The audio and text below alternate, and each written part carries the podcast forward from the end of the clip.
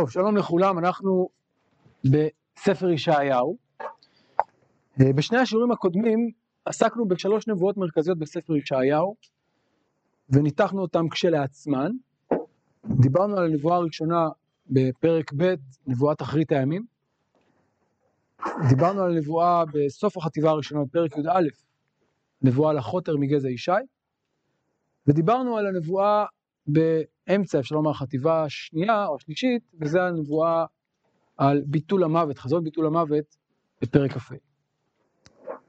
במהלך הלימוד של הנבואות שמנו לב לכמה קשרים בין הנבואות, הזכרתי את זה ככה דרך אגב, היום אני רוצה טיפה להעמיק במשותף ולא רק בשונה, ולנסות לחשוב על המשמעות של הקשרים בין הנבואות הללו. אז בואו נתחיל קודם כל מהזיקות בין הנבואות, איזה קשרים, איזה רעיונות, ביטויים, עניינים משותפים לשלוש הנבואות הללו. בואו נחשוב. כן. אחרית הימים, קודם כל אחרית הימים, בשלושת, שלוש הנבואות הללו אנחנו מתבוננים באיזה דמות מסוימת של אחרית הימים, עם הבדלים, דיברנו קצת על ההבדלים, אבל בסוף מדובר על אחרית הימים. יותר מזה, מה עוד משותף לתיאורים הללו של אחרית הימים?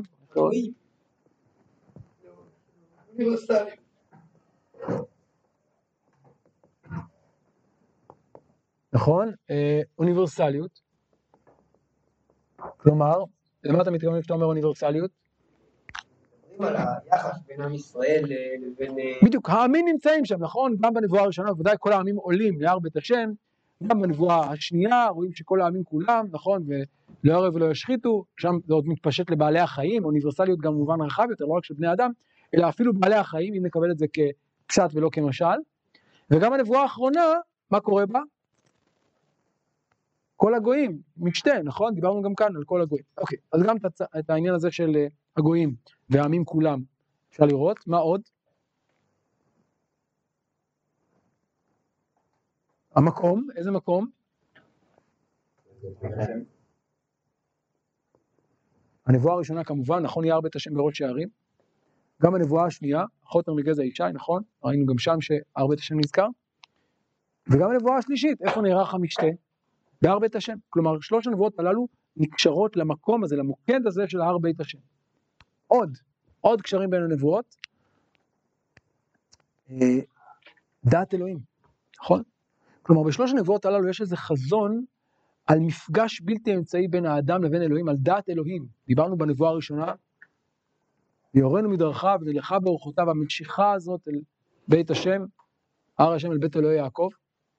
ויורנו מדרכיו ונלכה באורחותיו, ושפט בין גויים, מפגש דעת אלוהים, לימוד שמביא בסוף לאיזשהו שלום עולמי. גם הנבואה השנייה, יש בה את המפגש הזה, כן, כי מלאה הארץ דעה את השם כמים לים מכסים דעת אלוהים גם כן.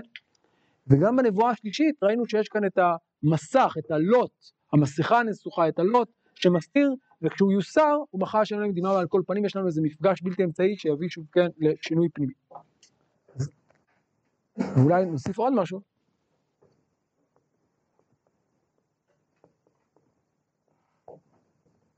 וקטע האלילות גם כן נרמז שם. אבל יש נקודה אחת שעליה אני רוצה היום בעיקר לדבר, שאולי לא דיברנו עליה, אבל אני חושב שנמצאת שם ברקע שלוש הנבואות הללו. שלוש הנבואות הללו, כפי שנראה עוד מעט, צריכות להתפרש על רקע של פרקים אחרים. צריך לפרש אותם לעומק, על רקע סיפורים ופרקים אחרים בתורה. מישהו לא יודע למה אני רומז או חושב? חטאי הראשית של ספר בראשית. אם תרצו, החטיבה האוניברסלית של ספר בראשית, כלומר פרשיות בראשית ונוח, פרקים א' עד י"א. ומה שאני רוצה עכשיו לעשות זה לנסות להתבונן שוב בנבואות הללו, לאור פרקים א' עד י"א בספר בראשית, החטיבה האוניברסלית של ספר בראשית. וכפי שנראה, לפני בחירתו של אברהם, וכפי שנראה, כל הנבואות הללו רומזות ומתייחסות ואולי גם מביאות איזשהו היבט אחר של הסיפורים הללו. כמובן הבולט ביותר, מהו, איזה נבואה ממש חוזרת לספר בראשית? נכון, כלומר בואו נחזור רגע לפרק י"א, ישעיהו י"א. למדנו בשיעור שעבר, אני רוצה לשוב אליה עכשיו.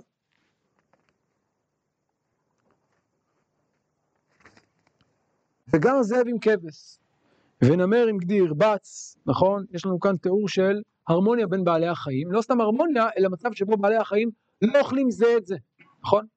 את מה זה מזכיר לנו? לא רק שהם לא אוכלים זה את זה, את מה הם כן אוכלים? את הצומח. ואת מה זה מזכיר לנו כמובן? את התהליך שאירע מלפני חטא הדם הראשון, או לפני, אה, אפשר לומר, בפרק א' בספר בראשית, נכון? מה נאמר בפרק א'? נחזור לפרק א' בבראשית.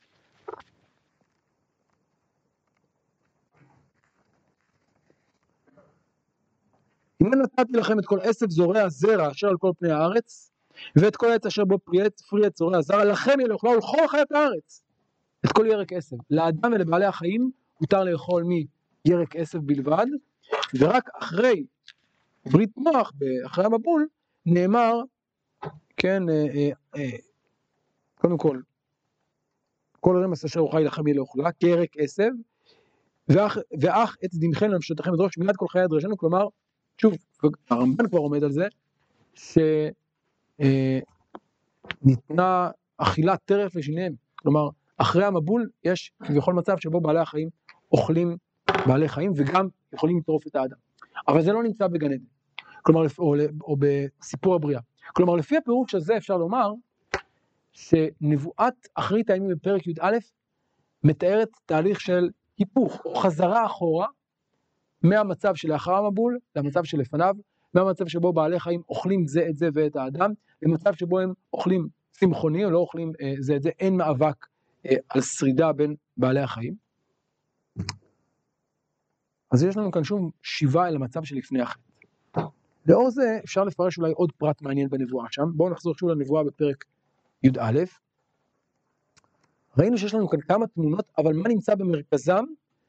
עגל וכפיר ומרי יחדיו, ונער קטון נוהג בה. מה עושה הנער הקטון בתוך התמונה הזאת של ההרמוניה בין בעלי החיים? מה תפקידו? הוא נוהג. כלומר, מה הוא עושה? הורדו בדגתיהם, הוא מושל. יש לנו כאן תמונה שבה האדם, ונער קטון, כן, לא איזה אדם גדול, לא בכוח הזרוע, אלא מכוח הצלם אלוהים שבו. כן, אם אני חוזר רגע שוב לפרק א' בבראשית, נאמר כך, ויברא אלוהים את האדם בצלמו בצל אלוהים ברא אותו, ויברך אותם אלוהים ויאמר להם אלוהים פרו ורבו מילאו את הארץ וכבשוה ורדו בדגתיהם, בכוח מה? צלם אלוהים. צלם אלוהים לפי הפירוש הפשוט שלו בספר בראשית פרק א', הוא היכולת למשול.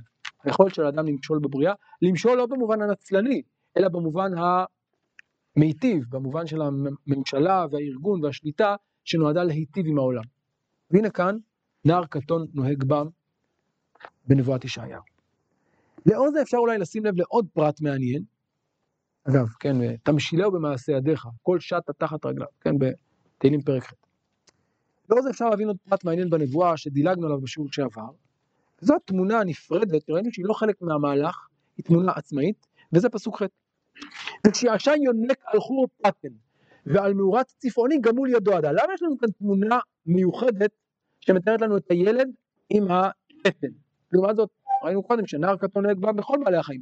מה פתאום יש לנו כאן תמונה נפרדת של יונק עם פטן?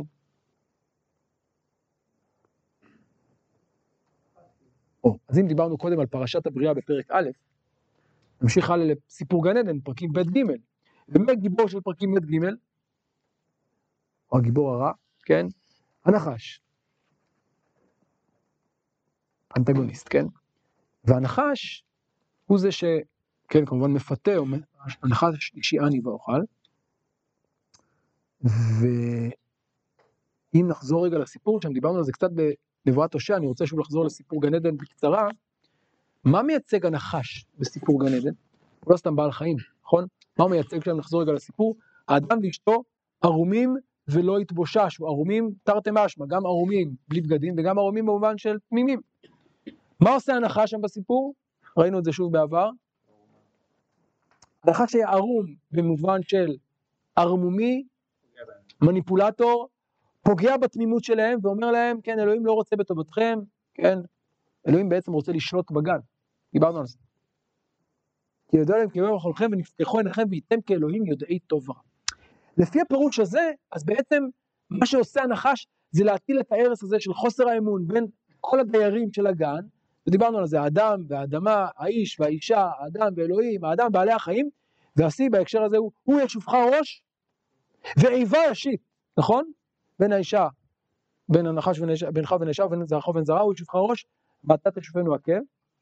כלומר, הסמל המובהק של הפיצול הזה, הפילוג הזה שנוצר בעקבות הסיפור של הנחש, זה האיבה בין האדם לנחש. משחק סכום אפס, כן? הוא ישופך ראש, או שאתה מת או שהוא מת. הוא ישופך ראש, אתה תשופנו עקב.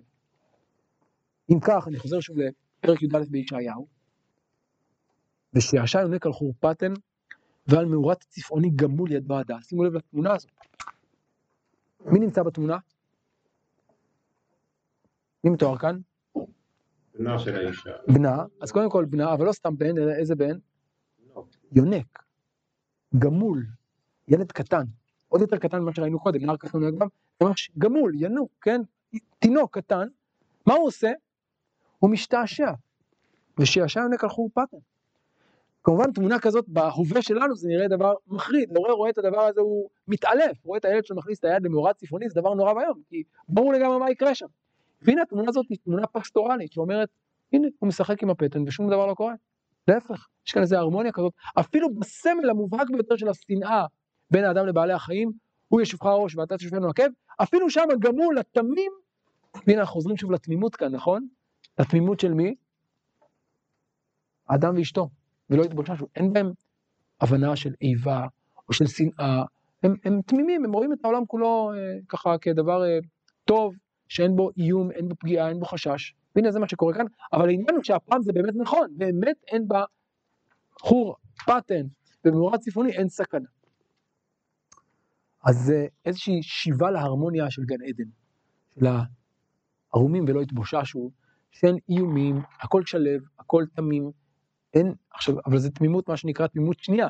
זה לא התמימות הראשונה שלפני החטא, זה התמימות שקורית אחרי החטא, ואחרי השנאה, ואחרי המאבק, ואחרי המוות, יש לנו חזרה של מה שנקרא תמימות שנייה אל המצב הזה של ההרמוניה. טוב, אז שוב, פרק י"א באופן מובהק הוא תיקון של סיפור גן עדן, סיפור הבריאה, של המאבק בין האדם לבין אה, אה, בעלי החיים.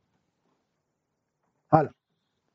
פרק ב' נחזור לפרק ב', והיה באחרית הימים, נכון יער בית השם בראש הערים ונישא מגבעות.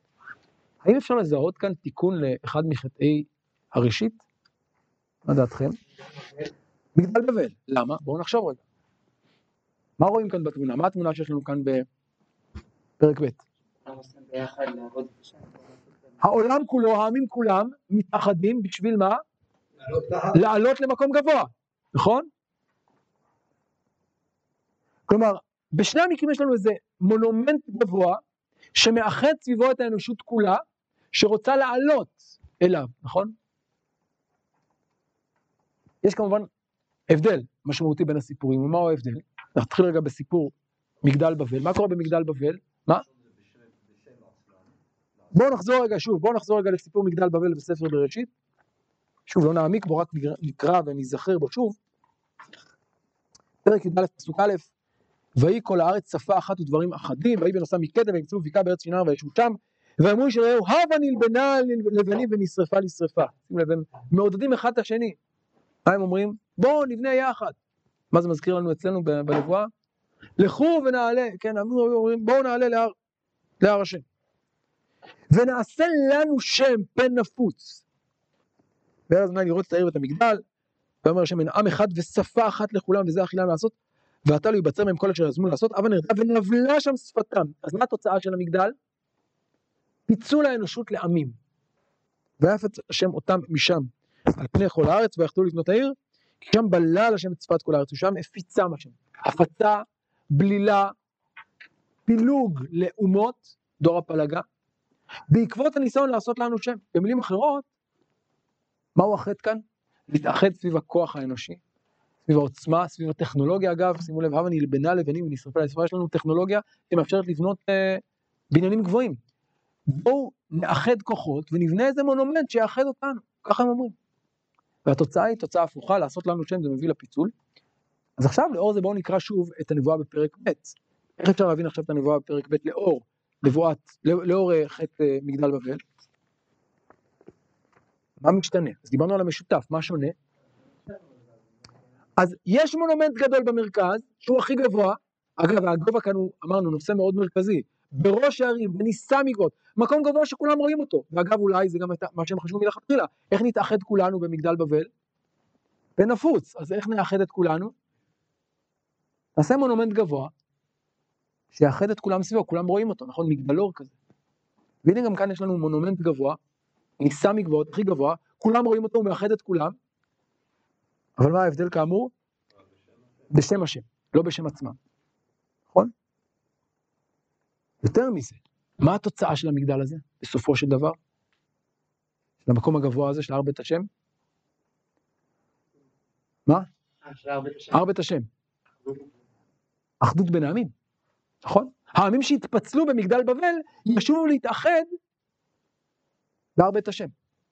בסוגריים אגב אני אראה הערה, אה, ישעיהו עצמו מזכיר מגדל בכמה מקומות, למשל, בפסוק ט"ו אצלנו, על כל מגדל גבוה ועל כל חומה בצורה, המגדל הוא סמל, שוב, לגאווה האנושית, אבל המגדל מופיע בעוד מקום בספר ישעיהו. איפה? השיר ענה לי ידידי, פרק ה', שירה דודי לחרמו, כרם היה לי ידידי בכרם בית שמש, ויעזקהו ויסקלהו ויתעהו שורק, ויבן מגדל בתוכו. אומרים חז"ל, מה זה המגדל שהוא בונה? בית המקדש. זה המגדל. זה המגדל הטוב, זה לא המגדל הגבוה שעליו, על כל, מגדל גבוה על כל חומה בצורה, זה המגדל שמסמל דווקא את, ה, את בית השם. המגדל הטוב, התיקון של המגדל האנושי. אז שוב אפשר לראות כאן תיקון של חטא דור הפלגה, דור המבול, דור אה, בונה מגדל בבל, באמצעות האלטרנטיבה. לא מגדל אנושי שראשו בשמיים, לא מגדל שנועד לפאר את הטכנולוגיה ואת הגאווה האנושית, אלא מגדל שנועד להדגיש את האחדות של עמים כולם סביב שם השם, סביב תורת השם, כי מציון תצא תורה ודבר השם ירושלים. כן.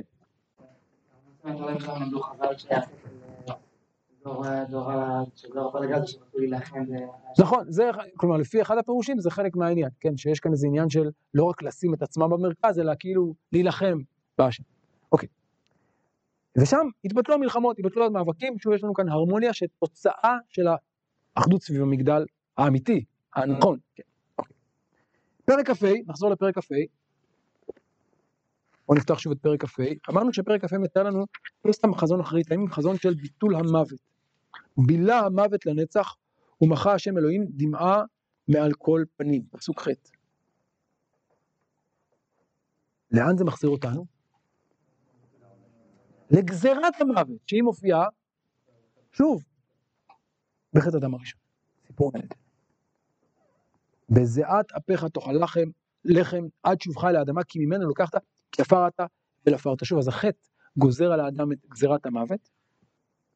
יותר מזה, מה קורה? בואו נחזור שוב לבראשית פרק ג', מה התוצאה של הגזרה? איך מגיב האדם לגזרה? אחרי אכילת הפרי.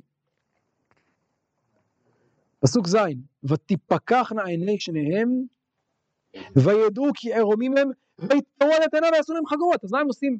בפעולה הראשונה אחרי שהם מגלים שהם ערומים, או שהם יודעים טוב ורע? מתלבשים, מתכסים, מתביישים. מה השלב השני? וישמעו את קול השם אלוהים מתהלך בגן, ומה הם עושים? ויתחבא האדם ואשתו מפני השם אלוהים בתוך עץ הגן. מה קרה עד עכשיו? הם לא התחבאו. למה הם לא התחבאו? לא הייתה סיבה. כלומר, היה מפגש ישיר ובלתי אמצעי. עכשיו יש לנו כבר בגדים, זה חציצה אחת, יש לנו גם להתחבא בעץ הגן, לפני הקדוש ברוך הוא, נכון? עד כדי כך שמה עושה הקדוש ברוך הוא שם? ויקרא השם אדם ואומר לו אייכה, למה אומר לו אייכה? כי הוא מסתתר, כי הוא מתחבא, כי הוא ירא להראות את עצמו. את קולך שמעתי בגן וירא כערום אנוכי ואחווה. והאייק הזה הוא כמובן סמל, הוא סמל ההסתתרות של כל בני האדם בדורות הבאים מאת השם. הקריאה אייכה והמענה של האדם, אני מתחבא, אני ירא, אני מסתתר, אני מייצר כל מיני מסכים ומחיצות. והנה עכשיו אנחנו מגיעים לירמיהו, לישעיהו, סליחה. מה קורה אצל ישעיהו? בנבואה שלו, בפרק כ"ה. הוא בילה. את מה הוא מבלה? את מה הוא מסיר? את הלוט, את הכיסוי, את ההסתרה, את המסכה. מפגש ישיר פנים אל פנים, ומחה שם דמעה מעל כל פנים. אין יותר הסתתרות, אין יותר מסכים, אין יותר חציצה. ואז מה התוצאה? מילה מוות לנצח, זה ממש כאילו החזרת הגלגל לאחור. אם קודם דיברנו על ההסתפרות של האדם, ויותר מזה נאמר, אני חושב שלאור זה אפשר להגיד שזה פירוש עמוק לסיפור אה, גן עדן, מה הקשר בין חטא אדם הראשון לבין גזירת המוות לפי הפירוש הזה? למה אדם נגזר עליו מוות בעקבות החטא? כי הוא מתנתק. החטא מייצר את ההסתרה ואת הניתוק, הניתוק ממקור החיים, וממילא, ברגע שהוא מנותק אז הוא כבר מוגבל, אז, אז הוא כבר מת. אבל אם נחזיר את הגלגל אחורה, אז מה יקרה? מה, מה בעצם אומרת הנבואה? ברגע שאתה מסיר את המסך, מסיר את ההסתרה, אין יותר את האייקה הזה, אין יותר את ה... להתחבא, אז ביטול המוות הוא תוצאה של זה, נכון? בילה המוות לנצח, כיוון שאין לוט, אין מסכה, יש מפגש. באור פני מלך חיים. אז גם כאן אפשר לראות ממש את ההיפוך שיש לנו כאן של חטאי ספר בראשית. אז נסכם. שלוש הנבואות שראינו, שלוש נבואות אחרית הימים הללו, מעבר לאחרית הימים, מעבר לאוניברסליות, הר בית השם, דת אלוהים, שלושתם בעצם מתארים לנו את ההיפוך, את התיקון של חטאי הראשית. דיברנו על הנבואה, כן, בפרק י"א, שזה מדבר על היחסים בין האדם לבעלי החיים, האדם והנחש, האדם ובעלי החיים, תיקון אחד. דיברנו על הנבואה בפרק ב', שמתארת לנו את התיקון של חטאי האדם, הגאווה האנושית במגדל, חטא דור ההלגה. דיברנו על החטא העיקרי, חטא אדם הראשון, השורש של כל החטאים כולם, החטא של להיות כאלוהים. והתיקון שלו, והתוצאה שלו היא כמובן המוות, התיקון שלו זה ההמלכה, תכלית הימים, הסרת הלוט, הסרת המסכה, ומחה השם אלוהים דמעה על כל פנים, ובילה המוות לנצח. מעניין. שלוש הנבואות המרכזיות כאן, יש להם שורש משותף, התמודדות עם בעיות הראשית. והשאלה שאני רוצה עכשיו לשאול, למה ישעיהו כל כך עוסק, למה נבואות ישעיהו כל כך אה, אה, ממוקדות בשאלה הזאת? או יותר נכון, בחטיבה הזאת, בחטיבת הסיפורים האוניברסליים של ספר בראשית. זה קשור, כפי שאמרנו בשיעור הראשון, לכך שספר ישעיהו עוסק בנבואותיו באופן מאוד רחב בשאלות האוניברסליות, ואנחנו גם נזקק לסיפורים האוניברסליים, לחטאים האוניברסליים. אז הוא מתאר לנו בעצם מעין תיקון של הראשית המקולקלת של האנושות, חזרה לראשית ותיקון שלה. אבל למה? מה עומד מאחורי הדבר הזה? מה עומד מאחורי החזון הזה של תיקון הראשית? אז אני רוצה עכשיו להתחיל את הדיבור בשיעור הזה ובשיעור הבא. אני רוצה להתחיל קודם כל בעיון בנבואת ההקדשה של ישעיהו. דיברנו על נבואות אחרית הימים, עתיד הרחוק. בואו נחזור עכשיו לנבואה, כנראה, הראשונה של ישעיהו בפרק ו'. בואו נפתח ישעיהו בפרק ו'.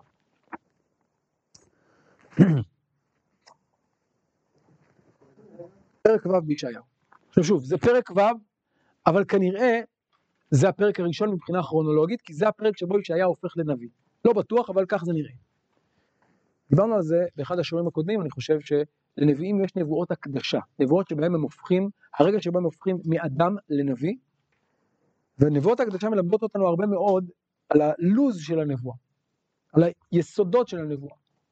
ולכן, כבר אצל ישעיהו, ונראה גם אצל נביאים אחרים, דיברנו גם אצל, אתם זוכרים שדיברנו על הושע, נכון, נבואות ההקדשה של הושע, נבואה על אשת זנונים. נבואות ההקדשה הם מעין קוד גנטי כזה, צופן גנטי שצריך לפענח אותו של הנביא של נבואותיו כולם, ולכן יש להם חשיבות רבה. אני רוצה עכשיו לעיין בנבואת הקדושה של ישעיהו, וכבר אני אומר שנמשיך הלאה ליחזקאל ולירמיהו, נראה נבואות הקדשה מאוד דומות, אבל גם שונות ונשווה אותן לנבואה הזאת. אז בואו נתחיל בישעיהו. בשנת תנועות המלך עוזיהו, ויראה את אדוני יושב על כיסא רם ונישא, ושוליו מלאים את ההיכל. שרפים עומדים ממעלו, שש כנפיים, שש כנפיים לאחד, בשתיים יכסה פניו, ובשתיים יכסה רגליו, ובשתיים יעופף. וקרא זה אל זה ואמר, קדוש, קדוש, קדוש, אדוני צבאות, מלוא כל הארץ כבודו. וינועו אמות הסיפים מכל הקורא והבית ימלא עשן, ואומר אוי לי כי נדמתי, כי איש טמא שפתיים אנוכי, ובתוך עם טמא שפתיים אנוכי יושב, כי את המלך אדוני צבאות ראו עיניי. ויעוף אליי אחד מן השרפים, ובידו רצפה, ומלקחיים לקח מעל המזבח, ויגע על פיו, ויאמר, הנה נגע זה על שפתיך, ושר עוונך, וחטאתך תכופר. וישמע את כל אדוני אומר, את מי אשלח? ומי ילך לנו? ואומר, הנני, שלחני. ויאמר, לך ואמרת לעם הזה, שימו שמוע ואל תבינו, וראו ראו ואל תדעו. השמן לב העם הזה, ואוזניו אכבד, ועיניו עשע, פן יראה ועיניו, ובאוזניו ישמע, ולבוא יבין, ושב ורפה לו. ואמר עד מתי אדוני? ויאמר עד אשר אם שעו ערים מעין יושב, ובתים מעין אדם, והאדמה תישאה שממה. וריחק אדוני את האדם ורבה העזובה בקרב הארץ, ועוד בא עשירייה ושבה והייתה לבאר כאלעד וחלון אשר בשלכת מצבת בם, זרע קודש מצבתה. נעצור כאן. אה, הנבואה הזאת, כפי שנראה עוד מעט, נחלקת לשני חלקים, פחות או יותר. איך היא פותחת? מהו ה... מה נקודת הפתיחה שלה? שימו לב, מראה. מהו המראה? ואראה את אדוני יושב וכולי, נכון, מראה. מהו החלק השני? איפה מתחיל החלק השני? ואשמע, פסוק ח'. שני חלקים. החלק הראשון פותח בראייה, החלק השני פותח בשמיעה, ועוד מעט נדבר על היחס בין הראייה לבין השמיעה. מה רואה ישעיהו? מהו המראה הראשון שרואה ישעיהו כנביא? שנת מות המלך עוזיהו, עוד מעט נתייחס גם לפריט הזמן הזה, ציון הזמן הזה. מה הוא רואה? כן. מה, מה פשר המראה הזה? מה הוא, מה הוא מבטא? מעבר לזה שהוא רואה את השם, מה, איך הוא רואה אותו? עכשיו אני רוצה לומר, לא כל הנביאים רואים את הקדוש ברוך הוא באותו אופן, למשל מה רואה יחזקאל? מרכבה, כן? זה שונה מהמראה הזה, ועוד נדבר על זה, אבל מה רואה ישעיהו ולמה זה מה שרואה ישעיהו? אז קודם כל התמונה היא לא סתם תמונה של הקדוש ברוך הוא, את השם יושב על כיסא רם ונישא, מה זה מבטא? כן, הרב רבינוביץ' זכר צדיק לברכה תמיד היה להדגיש, רם ונישא, על מי זה מוסב? לא על הכיסא, כן, הוא רם, כן. האמת שאולי הוא הפוך, אני רוצה רגע להיזכר. נכון, כן, כן, ולא, כן, ולא הכיסא, כן. אה, אני כבר לא זוכר מה, היה לו איזה, היה איזשהו, זוכר שהוא, מישהו מדגיש את זה כמה פעמים, אני כבר לא זוכר מה היה העניין, אבל זה היה, עכשיו אני זוכר שהוא הדגיש את זה. על כל פנים, מה חשיבות הרם ונישא הזה? מאיפה זה מוכר לנו הרם ונישא? הגובה, איפה מצאנו אותו? בפרק ב', הגובה הוא ביטוי אצל ירמיה, אצל ישעיהו להיררכיה, לסמכות, למעמד. רם ונישא, גבוה מאוד. כיסא, מה מסמל כיסא? מלוכה, שלטון. אז הוא רואה את השם יושב על כיסא רם ונישא, זה מבטא את הנשגבות שלו, שוליו מלאים את ההיכל. מלכות אנושית, מלכות אלוקית. לעומתה, מה יש לנו כאן בתחילת הנבואה? בשנת מות המלך עוזיהו. למה צריך להגיד את זה? טוב, אז זה קרה בשנת מות המלך, אבל למה צריך להגיד, זה ציון זמן מאוד אה, ספציפי. לא בשנת איקס למלך עוזיהו, בשנת מות המלך עוזיהו. מה הוא בא להגיד בזה? המלך מת, המלך האנושי, ולעומת המלך שעוד מעט עומד למות, ושלטונו ומלכותו כאין וכאפס. וארץ את השם כאנטיתזה למלכות האנושית הקלה, העוברת, המתפרקת, כיסא רם ונישא, שולם מילים את ההיכל, זה דבר ראשון. מה התמונה השנייה? שרפים, או לא תמונה שנייה, אלא, אלא השלב השני בתמונה, שרפים עומדים ממעל לו. שש כנפיים, שש כנפיים לאחד. כן, מה תפקיד השרפים כאן? מה זה שרפים בכלל? מלאכים. לא סתם מלאכים, אלא כנראה... אז שרפים בישעיהו ופריו שרף מעופף, כן? משורש נחש יצא צפה ופריו שרף, אז מה זה שרף? אנחנו יודעים את זה אגב גם מהתורה, מה זה שרפים? נחשים. נחשים מעופפים. תמונה מעניינת, נכון? למה נחשים... מה? משורש נחש יצא צפה. אז אני עוזב כרגע את הנבואה שם, אבל אני אומר, זה שרף. למה שרפים? אני רוצה להציע הצעה, אני זורק לכם ככה סתם רעיון, אבל הזכרנו קודם את הנחשים, נכון? מה מייצג הנחש בספר בראשית? את האופוזיציה, נכון? את מי שכאילו אה, מורד במלכות השם. משהו כזה. ומה עושה כאן הנחש? אבל מה התפקיד שלו? למה הוא מעופף? הוא משרת, הוא עומד ממעלה, הוא מוכן לשירותו, וזה מה שהוא עושה עוד מעט, נכון? מה השרפים עושים? הם אלה שמתפקדים כשליחים, נכון? וקרא, עכשיו שימו לב, שתיים מכסה פניו, שתיים מכסה רגליו, למה? צניעות, כבוד, בושה, ושתיים יעופף, למה? כדי שהוא יוכל לעשות את מה שהוא צריך, נכון? אני אומר את זה בצחוק, אבל זה ברצינות, כלומר, המראה כאן הוא לא סתם מראה, ובכלל, צריך לזכור, שמראות כאלה לא באים לספר לנו קצת, ככה לספק את סקרנותנו, מה קורה שם בעולמות העליונים, זה מראות שיש להם משמעות סימבולית. צריך להבין מה המשמעות הסימבולית, למה זה מה שהנביא רואה בנבואה הזאת. יש לזה תפקיד, והכל קשור לאותו מהלך. רם ונישא, כיסא, מלוכה, שלטון, שרפים, כפופים לו, עומדים עם מעלו, מבטאים איזשהו ריחוק, בושה, הסתרה, וגם נכונות לעשות הלאה. ומה עכשיו שומעים? וקרא זה אל זה ואמר, מי קורא זה אל זה ואמר? השרפים, קדוש קדוש קדוש השם צבאות מלוך על הארץ כבודו, מה הם אומרים? למה זה מה שהם אומרים? מה הם יכולים להגיד למשל? ברוך כבוד השם במקומו, והם יגידו את זה, איפה יגידו את זה? אצל יחזקאל, אבל כאן הם לא אומרים את זה. אנחנו אומרים את הכל ביחד בקדושה שלנו, נכון? אבל בקדושה של ישעיה אומרים רק קדוש קדוש קדוש, למה? בדיוק. זה הנושא של התמונה כאן. זה הנושא של המראה, הנבדלות, הנשגבות. קדוש, דהיינו נבדל, נשגב, נעלה. קדוש, קדוש, קדוש, שם צבאות,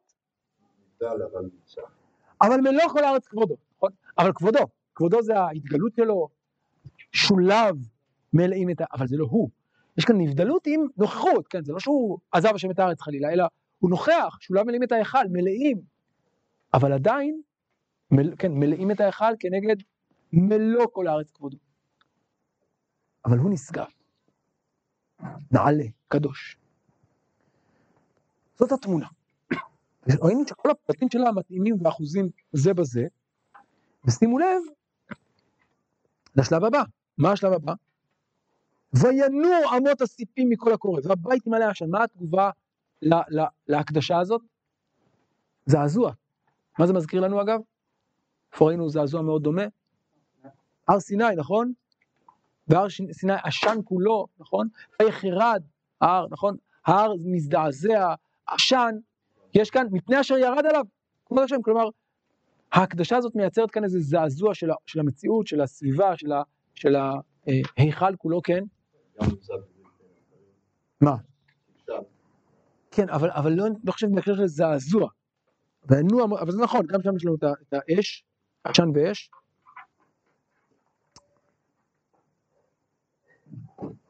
אגב, עוד, עוד הערה אחת שלא הזכרתי, מה זה היכל? היכל, איפה הוא נמצא בהיכל, בהיכלו, במקום מלכותו. עד כאן המראה. מהי התגובה? ואומר, אוי לי כי נדמתי, כי איש טמא שפתיים אנוכי, ובתוך עם טמא שפתיים אנוכי יושב. מה פשר התגובה הזאת של ישעיהו? איך הוא מגיב למראה הזה? בדיוק, אז אה, הוא מזדעזע. אגב, השאלה היא מעניינת, בפסוק הזה, מה זה אוי לי כי נדמתי? מה זה נדמתי? אפשרות אחת מלשון דומייה. אני שותק, כלומר, אני לא יכול לדבר. ולפי הפירוש הזה, איך זה מסתדר עם ההמשך? הפירוש שיש כאן דומייה, לך דומייה תהילה. מה אומר בהמשך? איש מת, אוי לי כי נדמתי כי אני לא יכול לדבר. אני, איך אני יכול לדבר בסיטואציה הזאת? איש טמא שפתיים, זה פירוש אחד. פירוש אחר, נדמת מלשון נחרטתי, כן? יש גם את המובן הזה לשורש נדמתי, ואז זה מתאים, למה הוא אומר אוי לי כי נדמתי? מה הוא אומר? כי את המלך השם צבאות רואה עיניי ולכן, אגב, הוא אומר המלך. שימו לב שקודם נאמר, וראה את השם יושב, השם צבאות, אבל כאן מה הוא אומר? המלך השם צבאות. למה הוא אומר המלך? כי המליכו אותו. זה האירוע של המלאכה. אז מה זה נדמתי? לפי הפירוש הזה של החרטה. בדיוק. אני עכשיו רואה לא סתם, הקדוש ברוך הוא כאילו באירוע דרמטי של המלאכה, השגב הגדול הזה, העוצמה הגדולה הזאת, מפילה אימה גדולה על האדם, וחשש שהוא ימות, כמו שלמשל אומר, אה, כן, מנוח ואשתו, מות נמות, או מנוח לאשתו, מות נמות כי אלוהים ראינו. היא אומרת לו, מה, נראה לך שהוא הביא אותם לכאן כדי למות, אבל הוא אומר, מות נמות, זה, זה אינסטינקט, אתה אומר, אתה רואה את העוצמה, אתה אומר, איפה אני ואיפה זה, אוי לי כי נדמתי. אה, אבל אם נגיד שזה דומייה, שזה קצת יותר אה, רגוע, עדיין הוא אומר, איך אני יכול בכלל להיות בסיטואציה הזאת? אני, אני, אני אילם, אני לא יכול לפתוח את הפה בסיטואציה כזאת.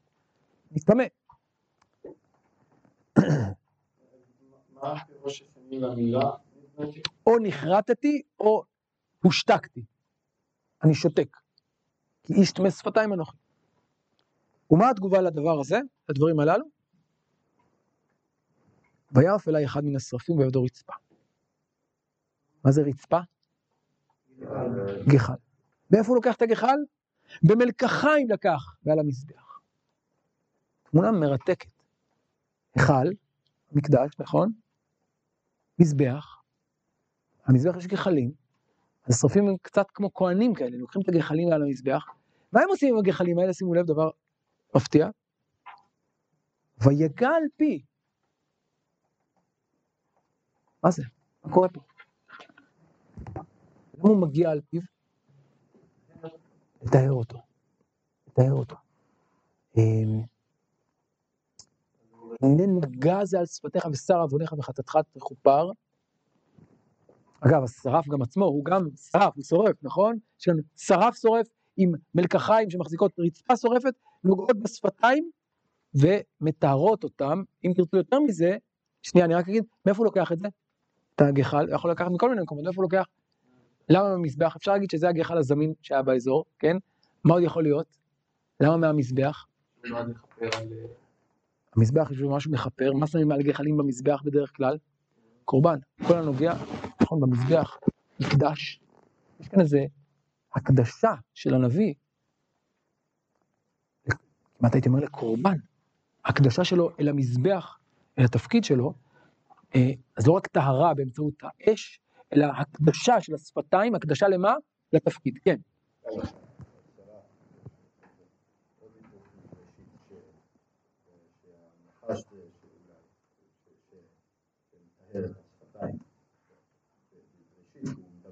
אה, אומרת בראשית הנחש הוא מדבר, ומדבר דברים בעייתיים. כן, והנה כאן הנחש, יפה. אגב, כבר קודם לכן הנחש אומר קדוש קדוש קדוש, השרף אומר קדוש קדוש, נכון? השרפים. יפה. כן. אז יש מדרש שמדבר על זה שהוא כאילו אה, מדבר לשון הרע על העם. כי הוא אומר, עם טמא שפתיים, נכון? בתוך עם טמא שפתיים אנחנו יושב. אז זה המדרש, אני חושב שעל פי הפשט, הוא מתאר כאן חוויה, הוא לא מאשים את העם, הוא אומר, אני טמא שפתיים, אני בתוך עם טמא שפתיים. זה לא שהעם הוא לא אומר, אומר שרה בעם, אלא פשוט מתאר את החוויה שלו. לפי הפירוש הזה, באמת יש לנו כאן מעין אה, טיהור של האדם, טיהור של הנביא, או הקדשה שלו לנבואתו. אה, ואולי אם תרצו, הופך אותו גם כן לסוג של שרף, כן? שורף, שהופך אותו לשרף. הנה נגע זה על שפתיך, ושר עווניך, וחטאתך תכופר. אגב, מה זה העוון והחטאת? על איזה עוון וחטאת מדובר כאן? מה הוא עשה? הוא בן אדם, בהגדרה הוא חוטא. כלומר, החוויה כאן היא חוויה מאוד עמוקה של פער by definition, מה שנקרא. כלומר, זה לא שאני עשיתי משהו, חטאתי, אביתי, אני אדם, אני חוטא, אני טמא שפתיים, מול, אני שבע, מול הקדוש ברוך הוא, אני מרגיש את זה בצורה יותר חזקה, כן. תשובה לבעיה שלך, אומר, אבל. לא הבנתי. אה, אני איש טמא שפתיים. כן, יש בעיה. וצריך לפתור את זה, נכון? אתה צודק, אתה בן אדם, אתה טמא שפתיים, לכן צריך לתאר. הלאה, וכאן מתחיל החלק השני, ובחלק השני אנחנו עוברים כאמור מראייה לשמיעה, וזה לא סתם מחוש לחוש, אלא מה קורה כאן במעבר לשמיעה? מה קורה כאן? הוא לא סתם שומע. מה שמיעה מבטאת כאן? שליחות.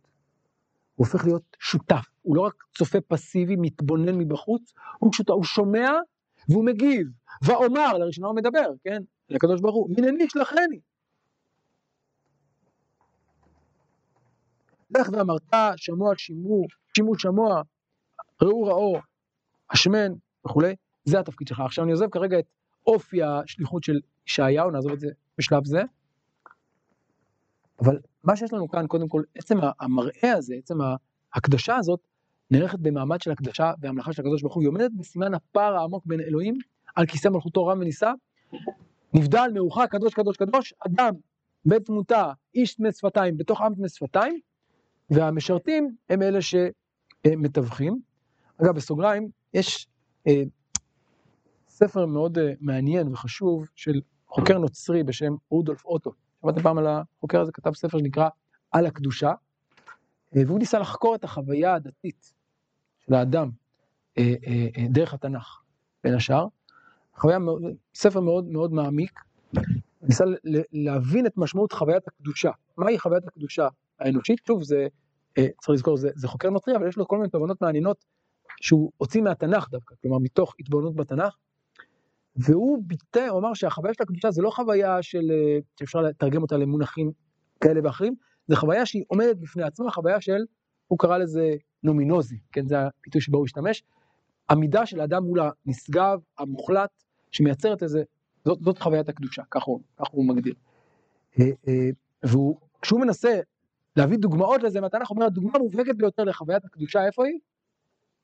פה, בישעיה. זה הביטוי הכי הכי מובהק, הכי חריף לתודעה הזאת, תודעת הקדושה של האדם. סתם הערה, אה, אבל זה באמת, שוב, זה מופיע בהרבה מקומות בתנ"ך, אני חושב שזה באמת הביטוי הכי הכי חריף של התודעה הזאת. למה דווקא ישעיהו? למה לא ירמיהו, יחזקאל, הושע, עמוס?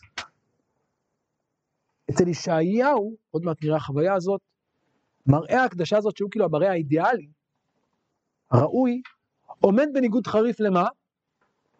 למציאות. מה המציאות? הפוכה. אדם לא מרגיש את עצמו קטן, שפל, טמא שפתיים, איך אדם מרגיש את עצמו?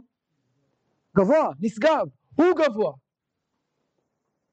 זה מה שראינו בשיעורים הקודמים, יום להשם צבאות על כל גאה ורם. ובאמת, החטא המרכזי שרואה ישעיהו, בכל הנבואות שראינו, הוא חטא הגאווה. וגבות הלב, כן? אומר ישעיהו, מה יקרה לעתיד לבוא? לא, לא, יום להשם צבאות על כל גאה ורם, על כל נשגב ושפל, כן? ונשגב השם לבדו ביום ההוא, והאלים כליל יחלוף. כלומר, השם ישגב ביום ההוא, המלכות שלו תרום ותינשא לעיני כולם, זה מה שהוא רואה כאן, ואז מה יקרה? האנשים יבינו את מקומם. כן. יותר מזה, ישעיהו אומר, וראינו את זה בשיעורים הקודמים, שחטא עבודה זרה, חטא האלילות בעצם בשורשו מהו? חטא של גבות לב, חטא של גאווה, חטא שהאדם מעמיד את כוחו, את, את יכולתו, את הטכנולוגיה שלו במרכז, ולא מודע למגבלותיו. אז אם כך, אם זו נבואת ההקדשה של ישעיהו, אם זה האידיאל שישעיהו רואה לנגד עיניו, אם זה הערך המרכזי וזה גם החטא המרכזי, לאור זה אפשר להבין אל חטאי בראשית. איך חוזר ישעיהו לחטאי בראשית? איך הוא מפרש אותם? מה לדעתו הבעיה היסודית של כל האנושות בפרקים א' עד י"א בבראשית? במילה אחת? גב. למה האדם הראשון חטא? הוא רצה להיות כאלוהים, נכון? מה היה התיקון שלו? ידע מקומו. ימליך, נכון? אני חוזר שוב לפרק כ"ה, מה הוא יעשה לעתיד לבוא? ידע להמליך את הקדוש ברוך הוא, במשתה המלאכה. כל העמים כולם ימליכו. מה החטא הגדול של דור הפלגה? אותו דבר, בווריאציה אחרת. לעשות לנו שם. מה יהיה התיקון של זה? הר בית השם, רב ונישא, גבוה מכל הערים. האדם מכיר בזה. כן? החוטר בגזע ישי, כן? מה התיקון שלו? שהוא חוטר, נכון? הוא לא גזע, הוא לא גבוה, הוא לא ארזים, כרותים. מתוך זה צומח חוטר שמכיר את גבולותיו, מכיר את יכולותיו, מודע לנשגבות השם. במילים אחרות, נבואת ההקדשה של ישעיהו משתלבת, או היא עומדת בבסיס של נבואות אחרית הימים שלו, ושל הפירוש שהוא נותן לנבואות, לחטאי הראשית. כן, האדם שרוצה להשתלט, השורש של החטאים זה אדם שרוצה להשתלט על מקום הבורא, לתפוס את מקומו, להשתלט על בריאתו, ומה התיקון? שעובד אותו בענווה, הוא עולה בהכנעה להר בית השם, יחד עם העמים כולם, יחד עם בעלי החיים כולם, בשוויון, בצניעות, הוא שב אל בית השם מתוך רצון להמליך אותו, ואז הוא גם זוכה לחיי נצח. זה הסיפור.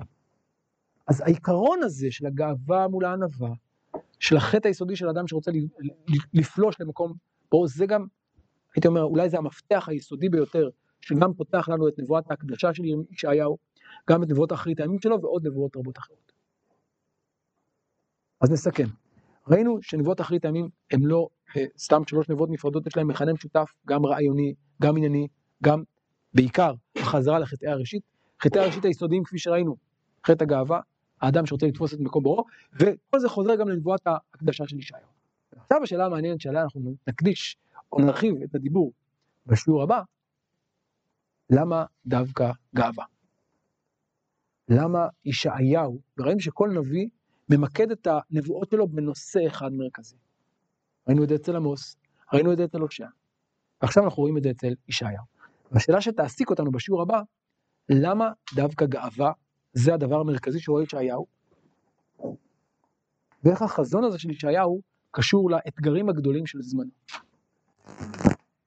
ובשיעור הבא אנחנו נראה את כל מה שראינו כאן, נראה, ננסה להבין לאור המציאות ההיסטורית שבה פועל ישעיהו, ולאור האתגרים הגדולים שעומדים מולו בתור נביא בתקופתו.